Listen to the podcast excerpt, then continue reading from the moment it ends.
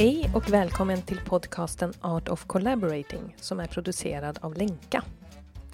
I vårt arbete träffar vi människor med spännande erfarenheter och vi stöter på kunskap och idéer som handlar om samverkan.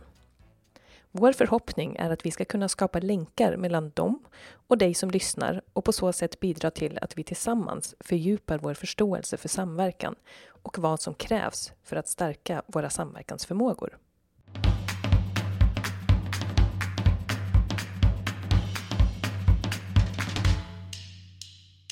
Ja, men så kul att få prata med dig, Filip Runsten. Eh, vi har ju läst din och Andreas Wärds mycket intressanta bok eh, Kunskapsintegration om kollektiv intelligens i organisationer. Mm. Eh, och är väldigt inspirerad av den. Och ja, du får ju berätta själv här, men, men vad vi förstår så är ju du forskare och knuten till Handelshögskolan och har forskat och doktorerat på de här frågorna om kollektiv förmåga och kunskapsintegration och varför vissa grupper lyckas ja. förena sina kunskaper bättre än andra. Men, men också, du är också grundare till konsultbolag vad vi förstår, bland annat eh, till konsultbolaget Influence. Så du har ju väldigt lång, lång erfarenhet av frågor kring samarbete och kollektiv förmåga och integration av kunskap. Så det ska bli verkligen jättekul att prata med dig. Mm, kul att vara här. Ja, och eh, vi, vi, brukar ju checka in på våra eh, podcastsamtal lite för att bara landa i samtalet och så. Ja. Eh, då eh, ställer vi en check-in-fråga till, till var och en av oss. Eh, så då, jag börjar med dig nu, eh, Filip. Eh, och då är mm. frågan, vad är det som engagerar dig så mycket i de här frågorna? och vad tycker du ska bli kul att prata om? Ja, åh ja, Eh, jag kan säga så här, det här kommer ju låta extremt pretentiöst då, men jag tycker att det här är en, en viktig samhällsfråga, hur vi samarbetar. Jag, jag hoppas vi kommer att komma in på det under samtalet, men jag menar ju att det här är faktiskt en, ett, ett sätt som vi långsiktigt, uh, vi behöver bli bättre på att samarbeta för att vi långsiktigt kommer att bli mer involverade i det samhälle som vi liksom är en del i att det, det liksom finns ett samband där. Så det är nog det som, som, som gör att jag tycker det här känns liksom viktigt att hålla på med eh, i långa loppet. Mm, mm. Är det något särskilt du tycker blir kul att prata om idag, nu? Som du tycker att det skulle vara kul Ja, jag tycker ju om det perspektivet. Alltså när, för när jag började forska på det här och eh, skrev min avhandling, så här, då var ju egentligen frågeställningen väldigt mycket så här, men oj, vad är det som gör att eh, vi funkar bra i grupp eller inte? Men, men eh, ju mer jag har jobbat med det, desto, mer, desto starkare, så här, jag kommer ju från organisationsutvecklingshållet egentligen från början, både som forskare och som konsult tidigare. Så, här, så att det, det, är ju liksom sambandet mellan det här och hur, hur organisationer funkar som jag tycker är, är spännande eller som har varit drivande hela tiden. Men jag menar också att det finns ett samband mellan hur grupper funkar och hur samhället funkar. Och det skulle vara kul om vi kan liksom komma in lite på det och utveckla det. Mm. Ja, spännande. Eh, Anna, vad tycker du, vad engagerar dig i de här frågorna? Ja, ja, men eh, jag har ju jobbat länge med vad ska man säga, nätverksorganisering och hur kan man samverka mellan organisationer. Så att jag är ju nördigt intresserad av, av de frågorna. Eh, och sen så har jag också liksom gått och grunnat så himla mycket på att det finns så mycket kunskaper eh, liksom i olika delar. Det kan ju vara mellan olika delar i en organisation eller mellan olika organisationer att det finns så stora liksom, intressanta kunskapsbaser kring olika frågor. Men då blir ju frågan hur ska man integrera de här kunskaperna? För det är ju en sak att sitta i samma rum och prata, men, men hur gör vi för att faktiskt ja, men, ta steget vidare och integrera kunskaper. Så jag tycker det är så spännande. Jag kan gå och tänka på det jättemycket faktiskt. Lite nördigt sådär. Ja. Och du då Caroline? Eh, ja, jag, jag, nu gick jag lite igång på det du sa där Filip med liksom kopplingen mellan hur vi samarbetar i grupper och samhället.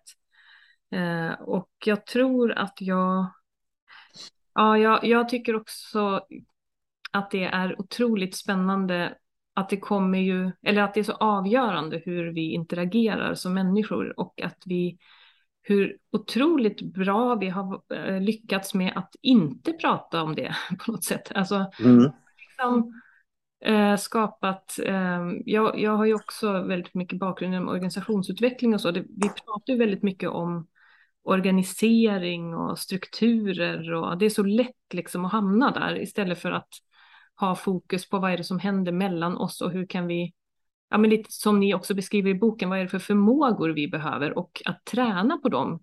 För det är ju också liksom, det handlar om när får vi träna på dem egentligen? Får vi, det är ju inte så att vi tränar på dem i skolan direkt heller på det sättet. Eller någon, någon gång känns det som. Så att det blir ju, ja, det, det, jag, jag håller med att det är en samhällsfråga också. Och mm. Eh, det ja, jättekul att prata om. Ja, det känns som om vi är tre personer som verkligen tycker det här är så spännande. Eh, ja, nördiga. Man går igång på de här frågorna. Men du Filip, vi tänkte börja med en sån här fråga som ja, vad är egentligen kunskap? Det är ju en stor ah, ja. Förlåt, ja, nu skrattar jag. Ja, och vad är kunskapsintegration? Nej, men bara för att mm. liksom, något sätt eh, ringa in ämnet. Liksom. Vad skulle mm. du det, det är klart det är en stor fråga. Ja, där la jag ganska mycket tid på i avhandlingen kan jag säga, för det tyvärr visar det sig att kunskap är en sån här um, en, en, vad ska jag säga, ett fenomen som alla tycker sig veta vad det är, men ingen har lyckats definiera det de senaste 2000 åren på ett sätt som alla är överens om, för det visar sig vara jättesvårt. Då, då. Mm. Precis som intelligens för övrigt. Uh, men uh, låt oss göra ett försök. Alltså, man kan ju säga så här, man kan ju ha olika uppfattningar, men när man ska diskutera det så är det ju så är det bra att man klargör vilken, vilken man har. Och, och det, i det här sammanhanget är det viktigt att förstå att kunskap är ju verkligen inte det liksom, du vet, så här, som du tar till dig genom böcker eller du har liksom läst i skolan och sådär. Det är inte det vi menar, utan kunskap är egentligen kunnande. Och mm. kun, eller alltså som, som vi använder här. Och kunnande är ju någonting som, det hör man ju nästan på ordet, att det involverar ju även aktivitet.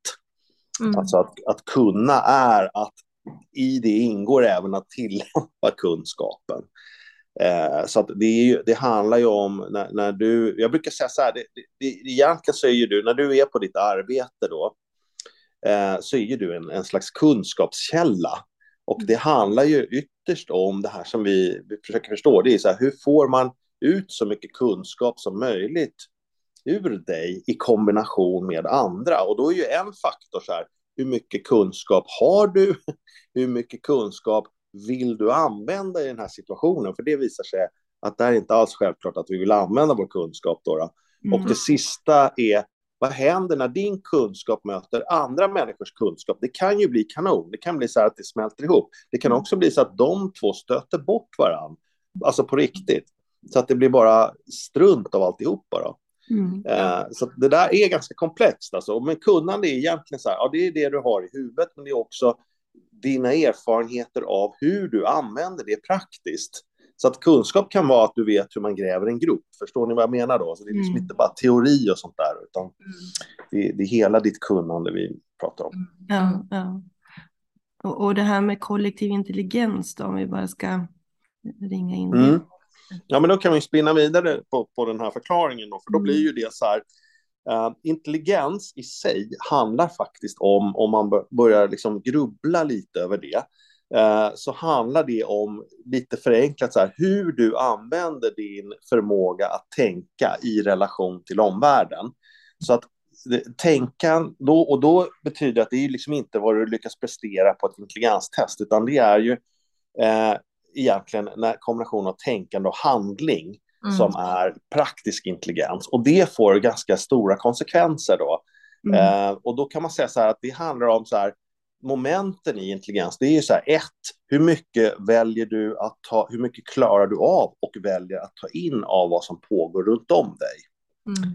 Du kan ju liksom, du kan ju, det pågår massa saker och du väljer att bara titta på några enskilda saker mm. eh, jämfört med någon som försöker ta hänsyn till mycket mer. Förstår ni vad jag menar då? Mm. mm. Ja, så, så, redan där har du ju en skillnad. Liksom. Mm. Eh, och sen så när du väljer hur mycket du be beaktar i den här frågan så, så blir nästa moment så här, hur du kognitivt väljer att tolka det här situationen. Så redan i hur du väljer att tolka så har du också valt en del av intelligensen så att säga. Mm. För det är inget neutralt. Det är inte så att det går att tolka världen på ett sätt liksom.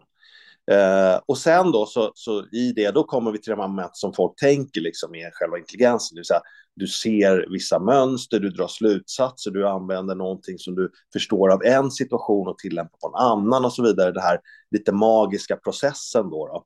Men mm. sen så kommer då, när du väl har tänkt ut så här, ja men nu vet jag vad jag ska göra. Jag, jag väljer att göra det här i den här situationen. Då kommer ju det sista momentet som är själva handlingen, utförandet av handlingen. Om du gör den då uppmärksamt och omsorgsfullt, ja då tycker vi det är intelligent. Men du kan ju faktiskt tänka ut något briljant och sen slarva när du gör det. Är det då intelligent? Mm, mm. De flesta av oss skulle nog säga att nej, det är det inte. Så vi ser att intelligens är liksom inte bara hur, hur, din förmåga att tänka blixtsnabbt, utan det är så här, vad väljer du att beakta?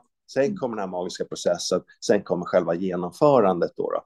Om vi nu liksom översätter det här till en grupp av människor, för jag, med kollektiv intelligens så kan man prata om grupper och det är det vi fokuserar på. Men du kan också mena sådana här fenomen som marknader och internet och sånt va? som är mer eh, systemintelligens kanske man ska kalla det för.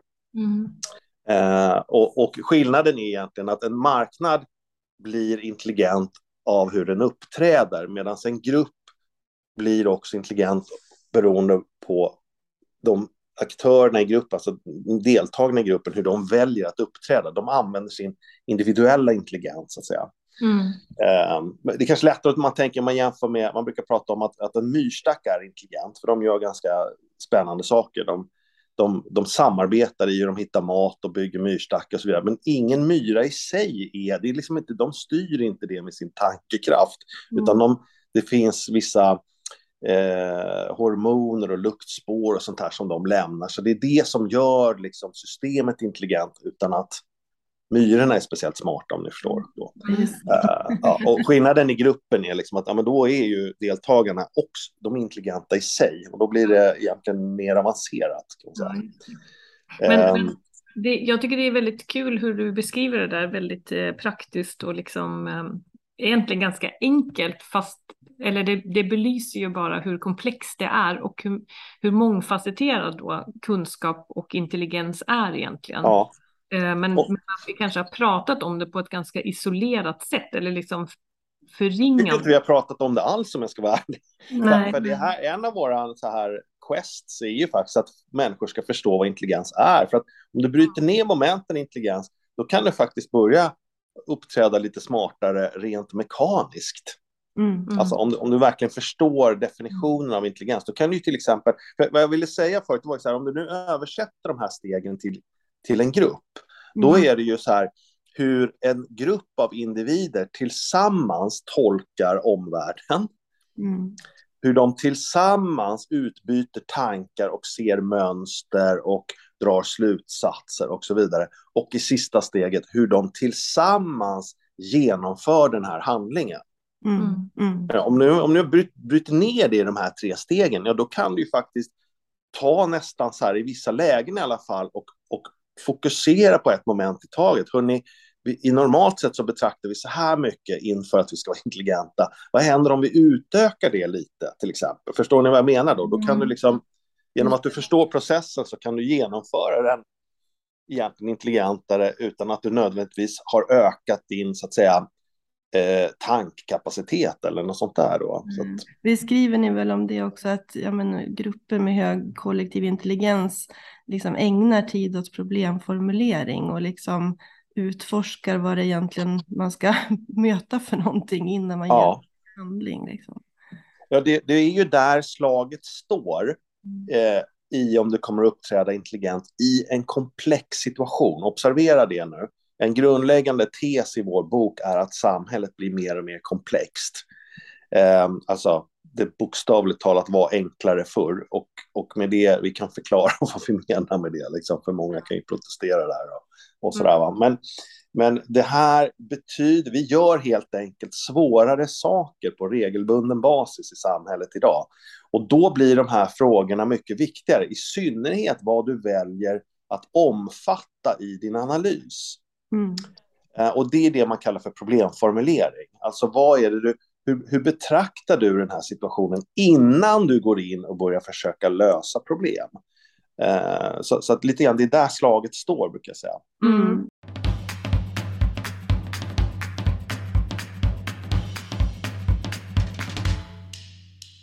Men jag tycker det beskrev ni också väldigt intressant där. Med, eh, jag tror att ni kallar det för spann av eh, visshet. Kan det vara så? Antingen ja, visshet eller visshet. Förmodligen visshet. Ja, eh, ja. Men det här att, att man kan vara i en fråga, om man nu sitter där eh, på ett möte och man är flera personer och man kan ha liksom olika grader av eh, att, att man, hur säker man är på det man pratar om. Att man kan mm. vara liksom väldigt osäker på det eller ganska säker eller ja. Eh, ja, lite sådär, eller jättesäker. Men att det egentligen eh, beroende, det beror helt på liksom den sociala situationen och hur jag vill, eh, vad ska man säga, framträda. Alltså det, det har med andra saker att göra, vad, hur jag framställer hur säker jag är på det. Så jag kan ändå mm. jag kan använda då det här som ett, eh, ja, men som ett sätt att liksom eh, trycka ner någon annan. Oh ja, oh ja. Låtsas att jag vet någonting. Ja. Det liksom, och det tycker jag också är väldigt intressant, för, för när det där är i spel, då är det ju ingen som, som vet någonting längre om vad de håller på med. Liksom. det är liksom Nej, precis. Eh, men jag tror att det förekommer förmodligen ganska ofta det där. Så att det, det tar, eller det skulle ju vara bättre om man kunde ha ett klimat där man faktiskt kan vara transparent med sin eh, grad av visshet då i en fråga. Ja, och det är det som händer också i grupper som är, vi pratar ju om varma grupper och, och liksom när, det hoppas jag vi kommer tillbaka till, liksom, att, att när relationerna är bra i gruppen, mm. alltså, vi kan utveckla vad vi menar med bra och sådär, men det blir som en volymknapp faktiskt till intelligens, därför att, eller egentligen så är det en volymknapp till kunskap, därför att om människor eh, har en viss nivå av, en del pratar om psykologisk trygghet liksom, eh, som begrepp då. Mm. Eh, och det är ganska bra begrepp. Eh, om folk är liksom hyfsat avslappnade i relation till varandra, vi säger bara så så länge, mm. mm. Eh, då kommer de att eh, tillföra, de kommer göra två saker, de kommer tillföra mer av sin kunskap och precis som du sa, kunskap är inte tvärsäkerhet. Det är inte mm. så det ser ut, utan vissa grejer är du tvärsäker på. Och det är inte så många om du tänker efter. Mm. Sen de andra grejerna, så här, ja men jag tror att det är så funkar, för det är så jag har läst eller så jag fått det förklarat för mig. Och några grejer har du liksom spekulerat, jag tror det skulle kunna vara så här och så vidare. Och det, om du tänker efter så är det så här, det mesta av nya innovativa idéer eller nya lösningar, så här, det kommer ju ligga i den här sektorn där du inte är riktigt säker, eller hur? Mm. Det, liksom, det, är ju bara logik. Mm. Och, då, och, det betyder att här, om du vill få med det i dina diskussioner i gruppen, ja, då vill ju du att folk ska vara beredda att säga sånt som de inte är så säkra på. Eh, men de ska också ge uttryck för att de inte är så säkra. Mm. Eller Det blir ett viktigt kriterium, för det är viktigt att veta när, när, när är du säker och när är du inte säker. Och när du är i en avslappnad grupp, då har du inga problem med det. Då säger du så här, då säger du såna här grejer som så här, ja, vet du, nu kommer jag provtänka lite här. Eh, och alla skrattar lite och så kör ni bara. Det är inga, det är inga konstigheter. I en grupp som är kall och där det är mycket prestige, så här, då kommer du inte exponera på det sättet, utan då kommer du dels att försöka hålla dig till sånt som du verkligen är säker på. Mm. Men du kommer också i, i situationer när du kanske hamnar i konflikt med någon, att låtsas att du kan, vet någonting som du egentligen inte vet, därför att du, du är mitt uppe i en slags strid med den här personen och då, då tar du till lite medel som passar för situationen och så här. Och det kan ju som ni förstår, om du sätter det här i system i en grupp, vilket händer hela tiden, så blir det oftast väldigt, väldigt tokigt liksom. Därför att vi, vi hör en massa saker som folk egentligen inte är säkra på och de trycker på det, de låtsas inte om att de är osäkra på det och det kan sluta med att gruppen sitter och fattar beslut som liksom är helt uh, fel. Ja. På alla sätt och vis. Och alla i gruppen skulle vara överens om att det är helt fel om de, om de liksom betraktade det. Och det kallas för groupthink. Ja. Uh, och det händer hela tiden. Det är liksom inte så här, ja det händer någon gång, du vet, var tionde år, utan hela tiden i alla våra organisationer så sitter vi och groupthinkar fram mm. konstiga saker. Eller uppträder med sån här funktionell dumhet som Mats Alvesson skriver om, liksom, som mm. också är lite närliggande begrepp. Alltså. Ja, det är så spännande. Men, men vilket bra begrepp med varma grupper och det är väl något som vi också försöker få till i samverkan, att få till liksom ett klimat där man verkligen känner sig liksom trygg och kan dela ja. Men vad tänker ni då skapa de här varma grupperna eller här, de sociala relationer som gör att, att vi faktiskt vill dela kunskap och vara... Ja, får jag, vara lite jobbig så här svara? Att, att vi, kan komma, kan vi, vi kan komma tillbaka till hur man gör varma grupper, men innan ja. vi kommer dit. För jag vet att en del människor skruvar på sig nu, och ja. för de tänker på sin arbetsplats och så inser de vissa grupper kommer de och tänker så här, den där gruppen kan fan aldrig bli varm. Och det är mm. sant. Eh, och då är det faktiskt, då finns ett annat motmedel, för vi kommer inte kunna göra alla grupper varma. Utan då handlar det om att förstå hur kommunikationsmönstret behöver se ut i en grupp. Mm. Då, kan du liksom, då kan du prata mer intelligent genom att vara lite mer ska vi säga, tekniskt skicklig. Du behöver inte bli varm eller du behöver liksom inte känna en massa saker för andra personer. Så. Jag vill bara nämna det först så att inte mm alla som sitter och lyssnar nu tror att det där är liksom oj, oj, oj. Mm. För, för då blir det lite verklighetsfrånvänt. För, men, men i princip vad varma grupper betyder också, det kanske man också ska utveckla, för många misstolkar det. Varma grupper betyder att man lyssnar på varann. Det är det viktigaste. Alltså att, och då, är, då handlar det inte om, det handlar om att de som pratar upplever att de blir lyssnade på. Mm. För det är där som, det är där egentligen gruppdynamik uppstår. Det är hur vi, hur vi vilka signaler vi sänder till de som pratar när de, när de pratar, alltså vi som lyssnar. Mm. Vilka, signaler vi sänder till de som pratar. Det, det, är också lite spännande, för de flesta människor har inte funderat så mycket över hur gruppdynamik uppstår. Liksom. Mm. Uh, men det är där, alltså ser det ut som en citron i ansiktet när någon pratar till dig, så det är inte så att de inte känner det. Mm. Och de kommer att, att liksom justera sitt sätt att prata på ett för samtalet negativt sätt. Mm. Om du ser ut så. Mm. Över tiden. Liksom.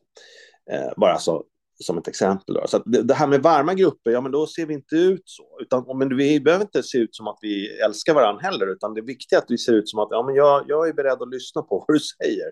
Och det signalerar du både genom dina ögon och ansiktsuttryck, och, men också hur du frågar. Om den här människan pratar, försöker du förstå dem? Liksom? Eller mm. kommer du genast med motargument? Det är också sådana grejer som... Ni vet att man kan lyssna på en person för att höra hur man ska bemöta det de säger. Vi, vi ser ju väldigt mycket sånt idag i valdebatterna nu, liksom. Mm. Mm. eller hur? De skiter ju fullständigt man, man lyssnar inte så mycket där. att försöka förstå vad poängen är med det, utan då, det tycker ju de att de redan vet, och så, så lyssnar de så här, hur ska jag använda den här människans ord mot hen? Liksom. Och det är ju så här debattklimatslyssnande. Men det, där hamnar vi ganska lätt i grupper faktiskt, när de inte är varma. Då, då. Mm. Eh, så så det, det, är det här som värme i grupper är framför allt faktiskt. Och därför så när, vi pratar, när jag pratar med studenterna om det här eller, eller tränarorganisationer, här, då är det faktiskt aktivt lyssnande som vi tycker är liksom det viktigaste medlet för att skapa varma grupper. Alltså att deltagarna är skickliga på att lyssna eh, på varandra. Då, då. Mm.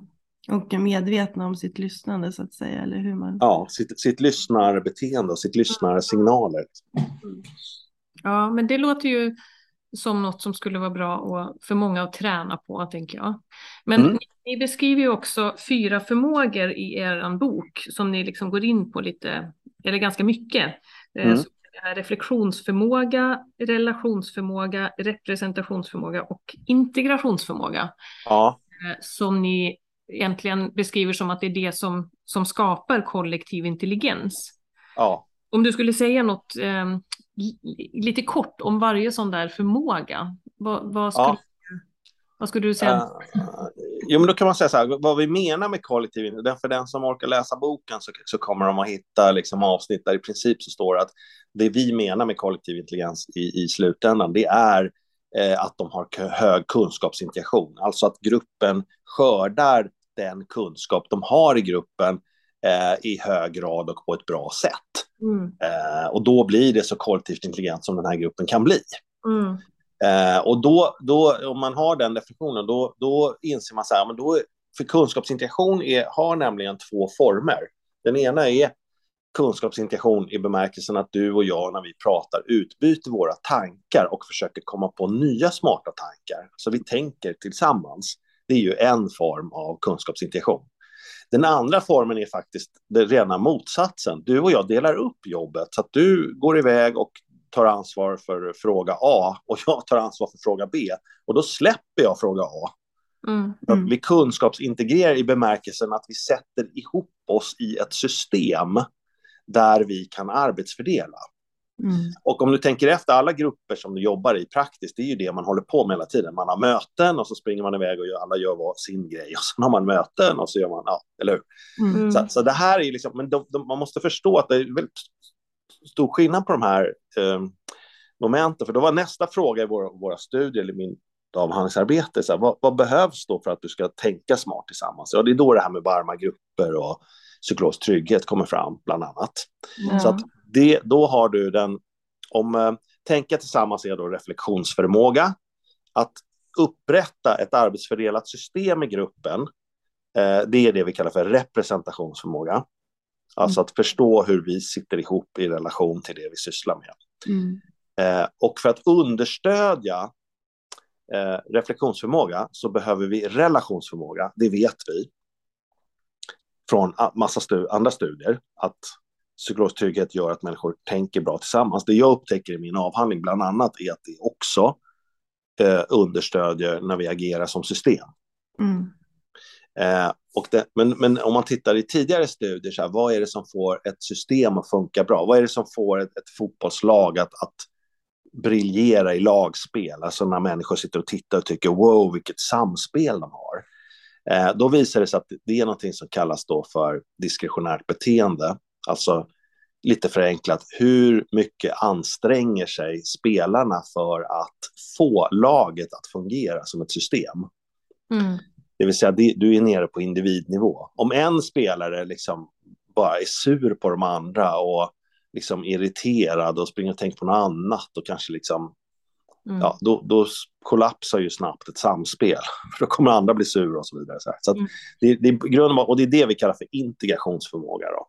Mm. Eh, och det är samma sak där. Det visar sig att integrationsförmåga hade också betydelse för att tänka tillsammans. Så då uppstår de här fyra förmågorna och alla de hänger ihop. Mm. Mm. Så, så, det, så det är lite förenklat liksom att uh, om, om, vi ska fortsätta med den här lagmetaforen så kan man säga så här då. då. Reflektionsförmåga det är när vi sitter i omklädningsrummet och snackar om hur det går och hur vi ska spela nästa halvlek. Mm.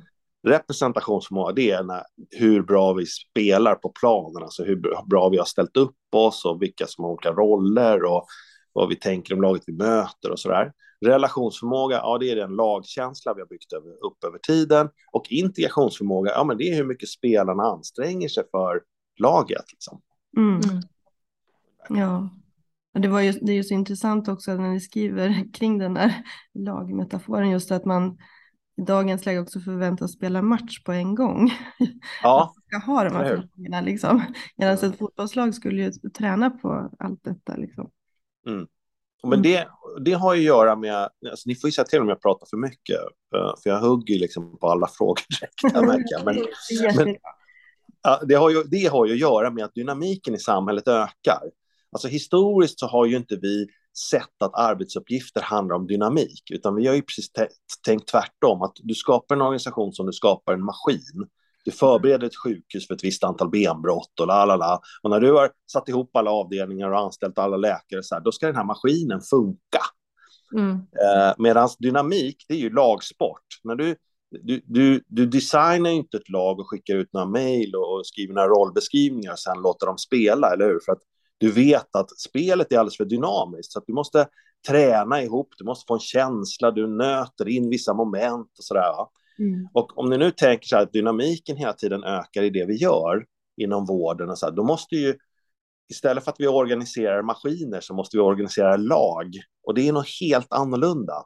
Det är därför de flesta organisationer sitter fast i liksom, ska säga 1800-tals idéer om hur man skapar kollektiv effektivitet. Eh, och de, de funkar sämre och sämre för varje dag som går. Mm. Därför att tillvaron blir mer och mer komplex. Mm. De var inte så jävla bra från början heller, ärligt talat. Men de, har, de, har, de var hyfsade liksom. De har tagit ja, de, oss långt. Ja, men de funkade kanske då i den, i den liksom verkligheten på ett sätt. För jag tänker att ja. om man nu tänker eh, på det här att verkligheten blir mer och mer komplex, så tänker jag att arbetsuppgifterna blir ju mer och mer komplexa. Alltså i alla fall de vi möter som håller på ja. Samverkar, då kommer ju de från helt olika sakområden och organisationer. De har liksom mm. ingenting, alltså inga gemensamma referensramar. Och så, och så finns det då liksom något direktiv om att vi ska samverka kring en jättekomplex fråga. Det kan ju vara liksom energifrågor eller klimatfrågor eller ja, det, kan ju, det finns ju tusen sådana som, som många mm. liksom, som hänger ihop och är komplex. Liksom. Och så ska de då ses några gånger liksom, mm. under den här processen. Och, och alla, alltså, jag bara tänker på det att det är väldigt få som har riktigt en förståelse för vad som egentligen krävs för att det här på riktigt ska bli bra. Liksom. Alltså, mm. Då tror man ju ändå att vi gör lite som vi gör enligt den här 1800-talsmodellen eller vad det är. Att mm. ja, men vi ses liksom på ett möte en timme och så, och så går vi igenom dagordningen liksom, och så och så, så är, det klart. Klar. ja. Och det är liksom, ja det, det är bara så, just att det här också, att vi behöver tänka helt annorlunda, det, det är nog, ja det skulle nog många behöva förstå. Ja, och jag tror att många har börjat fatta att det inte riktigt funkar så. Att du kan, liksom, även om vi fortfarande gör det varje dag, vi mm. tror liksom att ja, men sätter vi rätt personer som har rätt roller i rummet och de mm. har ett möte, då har vi gjort det vi behöver göra för att koordinera. Ja. Vi, vi har liksom inte en, en medvetenhet om att vad, vad, blev det för kvalitetsnivå på det där mötet? Kommer det spela roll för, för mm. hur vi genomför det här? Ja, det är klart det gör, men det finns inte i vårt sätt att tänka organisationer. Att, att vi måste förvissa oss om det. Då. Och det är ytterst tror jag det egentligen beror faktiskt på att vi har inte fattat att samhället, eller vi, det problematiseras ju inte idag komplexitet tycker jag. Nej. Känner ni till den här ja. tillitsdelegationen? Som man, ja. Ja. ja men där var man ju på bollen lite, men man drog ju liksom lite fel slutsatser, för där skyllde man liksom på New Public Management. Mm. Uh, och det är ju inte så här, New Public Management kan man ju tycka vad man vill om, mm. men, men det är ju i sig ett försök att hantera komplexitet. Mm. Alltså, hur fan ska vi styra ett sjukhus idag? Det är ju en skitsvår fråga, eller hur?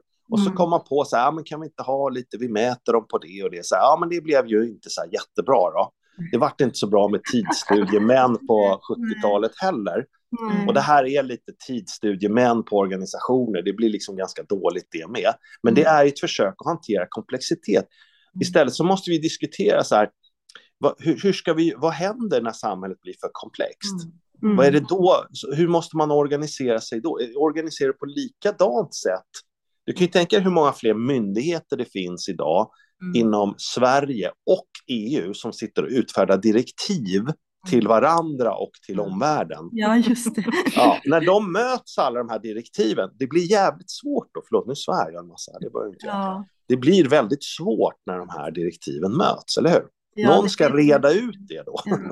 Men precis, det kan vara målkonflikter och det kan vara liksom ja. riktigt kniviga frågor om man säger så. Mm.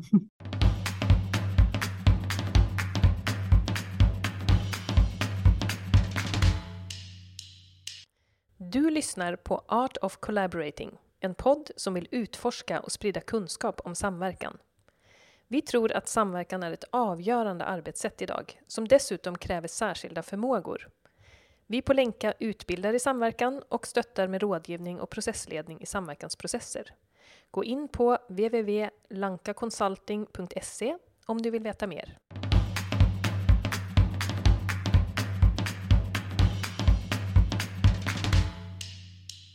Men, men det är ju eh, jätteintressant fråga det där, just att, eh, för det håller jag helt med om. Vi, vi måste ju prata om vad, precis eh, vad, vad, är komplexitet? Varför är det mer komplext idag än det har varit tidigare? Det är ju som att ja. den frågan ställer vi oss inte riktigt på riktigt. Det är liksom några som säger det och några som skriver om det, men det är inte ett samtal som förs på djupet, liksom, som det, om det skulle innebära också att vi måste organisera oss på andra sätt, det ställer ju allt i fråga. Alltså det blir ju, ja.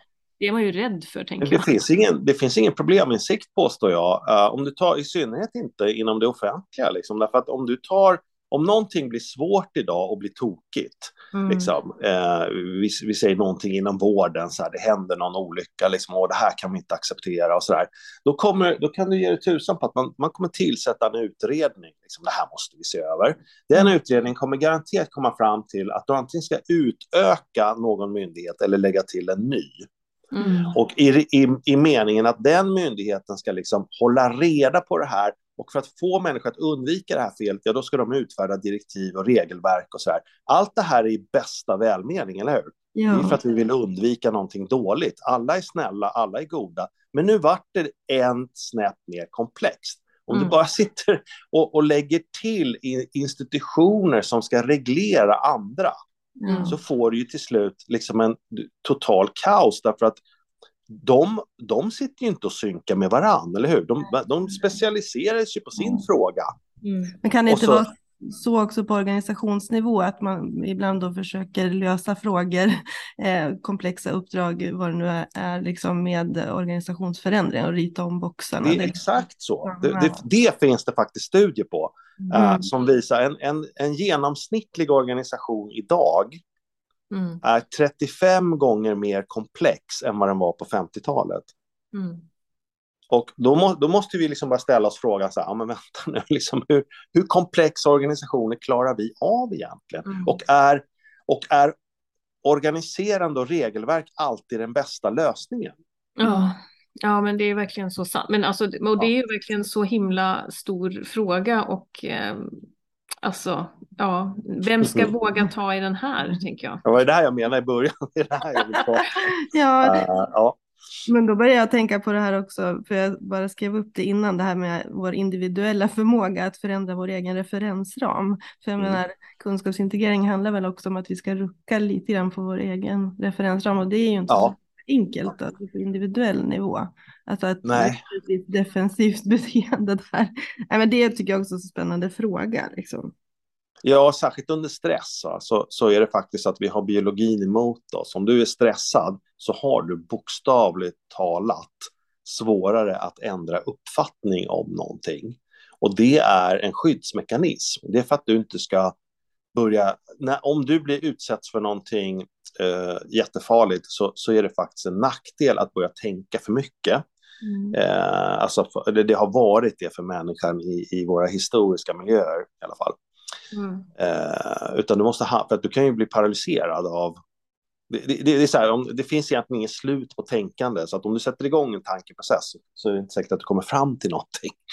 Eh, och så, och då, därför är det meningen att vi ska reagera på de grejerna vi redan har lärt oss. Vi ska handla mer och mer intuitivt, precis som djuren gör. Liksom. De reagerar bara intuitivt. Så här, de, de börjar inte fundera på om de ska springa därifrån, utan de bara springer. Liksom då. Mm. Eh, så att, så att när, du, när vi är, lever under stress, då, då, då, minskar den här förmågan och, och då kan man säga så här, den grundläggande utmaningen vi har i, inom organisationer och i samhället idag, det är att vi behöver integrera mer olikhet. Alltså, vi behöver koppla ihop mer olika sätt att tänka kring en fråga, därför att det är så intelligens uppstår. Mm. Och då, där har du en motsättning, eller hur? Så om vi har arbetsplatser där det råder för mycket stress, Mm. Då har människor svårt att ta till sig andra uppfattningar samtidigt som det är det som är lösningen. Alltså att vi samverkar som olika specialister med olika infallsvinklar och hittar gemensamma lösningar. Så, så att stress i organisationer måste reduceras både av hälsoskäl och av prestationsskäl, eller vad vi nu ska kalla det för. Mm. Mm. Så den här gamla sanningen om att ja, men det är bra med lite stress här, ja men det är det ju naturligtvis på en viss nivå, men det är inte bra med, med ett liksom, det ligger ett, ett liksom, eh, ständigt tryck liksom på, på människor. Där de, jag läste någon läkare idag i tidningen som hade skrivit en debattartikel om, om miljön liksom, för en läkare idag på ett mm. sjukhus. Och jag kan säga så här, läser man den så förstår man att där är stressnivån alldeles för hög mm. för, att, för att de ska kunna använda sin kollektiva intelligens på en bra nivå. Mm. Jag säga, det kan bara på att läsa den artikeln. Liksom. Mm. Och det är klart att det får konsekvenser för funktionen i, på ja. sjukhus. Mm. Eh, ja, eh, det är jätteintressant. Det finns tusen saker man skulle vilja prata mer om och, och klicka på här. Men vi måste göra, nu, nu måste vi snart runda av. Ja. Eh, för, för att liksom hålla poddavsnittet mm. inom en viss ram. Men ja. då är, finns det ändå en chans här, för då är, brukar vi liksom göra en sorts timeout innan vi avslutar. Och då mm. kan man säga så här, är det något mer eh, som vi vill prata om innan vi avslutar? Ja, det tycker jag. Vad, vad, tycker du då, Filip? Ja, jag tycker, nu har, vi, nu har vi gjort alla som lyssnar alldeles förskräckta här och, och svartsynta allting. Så nu måste vi ge alla lite hopp också.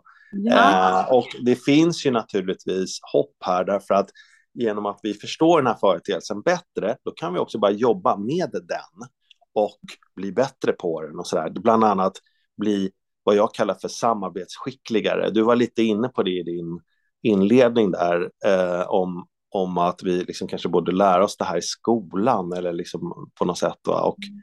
och det är ju faktiskt så att människan redan idag är som individer mycket samvetsskickligare än vad vi var för hundra år sedan mm. eh, på vissa plan. Men, men vi skulle kunna bli ännu bättre om vi bara förstod de här koncepten som intelligens, hur grupper funkar, psykologisk trygghet och så. Om det var liksom allmänbildning mm. så, så skulle vi kunna vara, uppträda mycket skickligare i relation till varandra. Liksom. Mm. Mm. Ja, men bra. Så, så att ge lite hopp då. Eh, det, ja, Anna, är det, vad har du Ja, men jag var väl också inne på det om det är något jag skulle prata mer om så är det kanske också det. För du, du sa att det är inte så stort intresse idag, men har det ändå ökat? För du har ju jobbat också länge med de här frågorna om kollektiv intelligens. Har det, ser du liksom några positiva förändringar i intresset? Och, ja, gud ja. Det, det hoppas jag. Ja jag, jag, jag, tycker absolut att det finns ett mycket större intresse. Nu håller jag ju på med det här så jag kanske blir lite brainwashed av det. Då. Men jag, jag kan ju säga så här, jag får ju vara ute och föreläsa jättemycket om det här i alla möjliga typer av organisationer. Eh, för att det är ju allmängiltigt, men också att jag upplever faktiskt att ja, intresset för de här frågorna ökar och det är bra. Tror jag. Ja, ja, ja, men det är kul att höra. Karolina, du då, är det något mer som du skulle vilja prata om? Ja, men jag tänkte också på det här som, eh, som du började med också, det här med samhället och vad det har med samhället att göra. Och vi har ju då kommit in lite på det. Jag tänkte då mm. mer också, vad är vår roll som konsulter i det här? Eller forskare eller vad det nu är som, som liksom kommer med inspel från sidan och så där. För jag tänkte, nu när vi pratade så tänkte jag lite på det här, det är ju så lätt att bli en del av en kollektiv dumhet också. Eller liksom, ja, tyvärr. Ja. Inte är intelligenta då, utan och mm. det är lätt, alltså även som konsult, alltså att få uppdrag. Vi har ju massa uppdrag, om vi får uppdrag och vi märker liksom att i de här uppdragen finns det massa saker som kanske inte är så mm. gynnsamma, men vi, det är liksom vårt eh, levebröd också, så vi kan ju inte varenda gång säga nej men då, vi, mm. det här vill vi inte vara med på. Mm. Det här mm. liksom, hur ska man...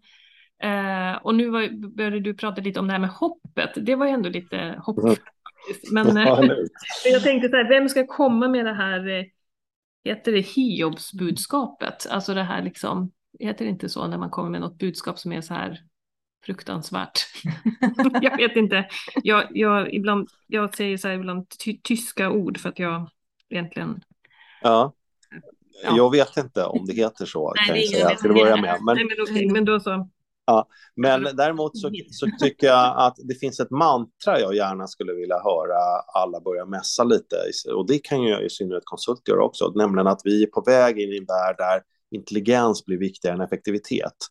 Mm. Uh, för om jag bara säger det högt och så får man suga på det en stund så kommer man inse att det, det betyder en massa saker.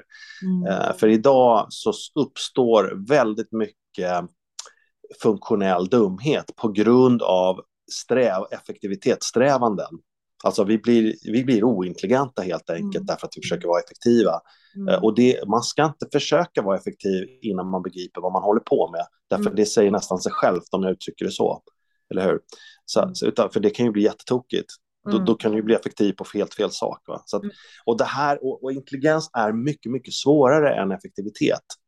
Mm. Uh, och det historiskt har vi styrt alla organisationer på effektivitet. Kolla liksom polisen, är ni effektiva? Liksom? Är ni tar ni, eller sjukvården och allt sånt. Det är ju frågan om de ens ska styras på effektivitet. Då. Men då mm. kommer alla en del att knorra här. Ja, men det handlar om resursfördelning. Så här, ja, det gör det. Men tricket som vi behöver göra är att underordna effektiviteten och intelligensen. Vi vill fortfarande sträva efter effektivitet, men inte förrän vi har säkerställt att vi är intelligenta. Och det blir ett annat sätt att organisera sig som mm. jag gärna kommer in på, men det kommer säkert inte tiden att räcka till. Men, ja. uh, men det handlar om egentligen att mobilisera organisationers intelligens i relation till omvärlden. Och det, om man tänker så, då, kan, då får man tänka lite annorlunda hur man organiserar. helt enkelt. Mm. Just det. Ja, och det skulle vi ju verkligen jättegärna vilja prata mer om. Vi kanske får ta ett till poddavsnitt.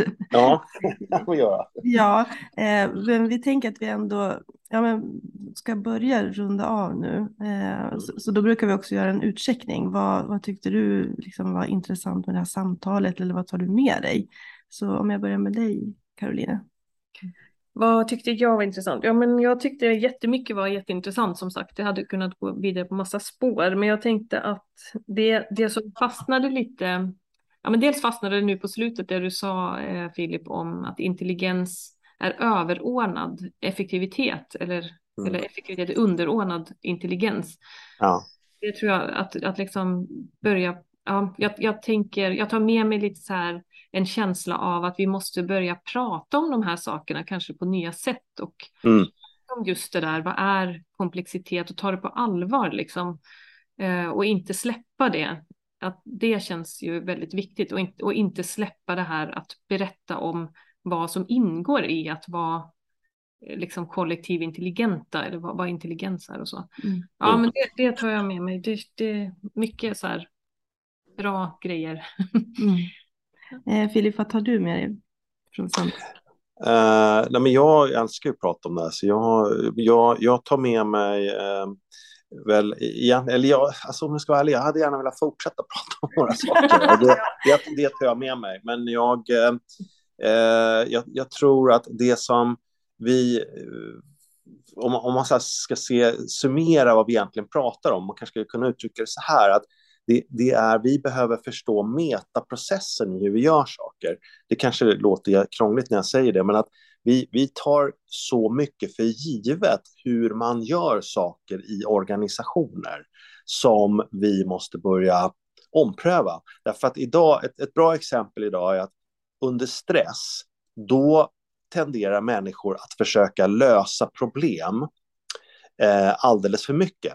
Vi tror ju att problemlösning är någonting bra, mm. men problemlösning kommer efter problemformulering. Mm. Och är du för snabb att problemlösa, då missar du att säkerställa problemformuleringen.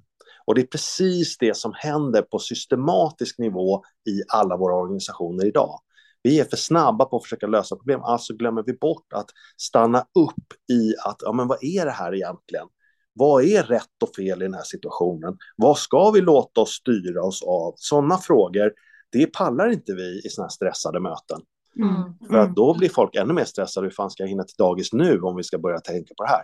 Så att vi måste liksom, eh, vi måste skapa ett system som tvingar oss in i det. Mm. Faktiskt. Därför att vi kommer inte fixa det på någon slags intuition. Och då att begripa vad intelligens är och hur det funkar, ja, det, då kommer du inte att fladdra lika mycket med det där, för då kommer du känna dig dum när du gör det. Mm. Bokstavligt talat. Men ja, Ja, men Anna, du får ju också säga vad, vad tar du med dig? Eh, ja, precis. Eh, nej, men jättemycket. Jag skulle också vilja fortsätta prata om det här. Eh, och, men jag tycker också att den här boken är så himla bra. Vi kan ju verkligen tipsa om den till alla som lyssnar. Det finns så mycket i den. Eh, och eh, ja, men det sätter ord på, på så mycket. Jag tänker också på det här med problemformuleringsförmågan. Och, det ser man ju också i samverkansprocesser, att det kan till exempel vara en aktör som har definierat problemet. Mm. Eh, och sen vill man gå direkt in i handling, men det är oftast en mm. väldigt komplex fråga. Så att bara om vi kan hitta former liksom för att eh, våga vara i, problemformuleringen och mm. skapa de här sammanhangen då som gör att vi kan tänka fritt och högt och de här varma mötena eller varma grupperna. Ja. Eh, bara det skulle kunna vara väldigt hoppingivande, tycker jag.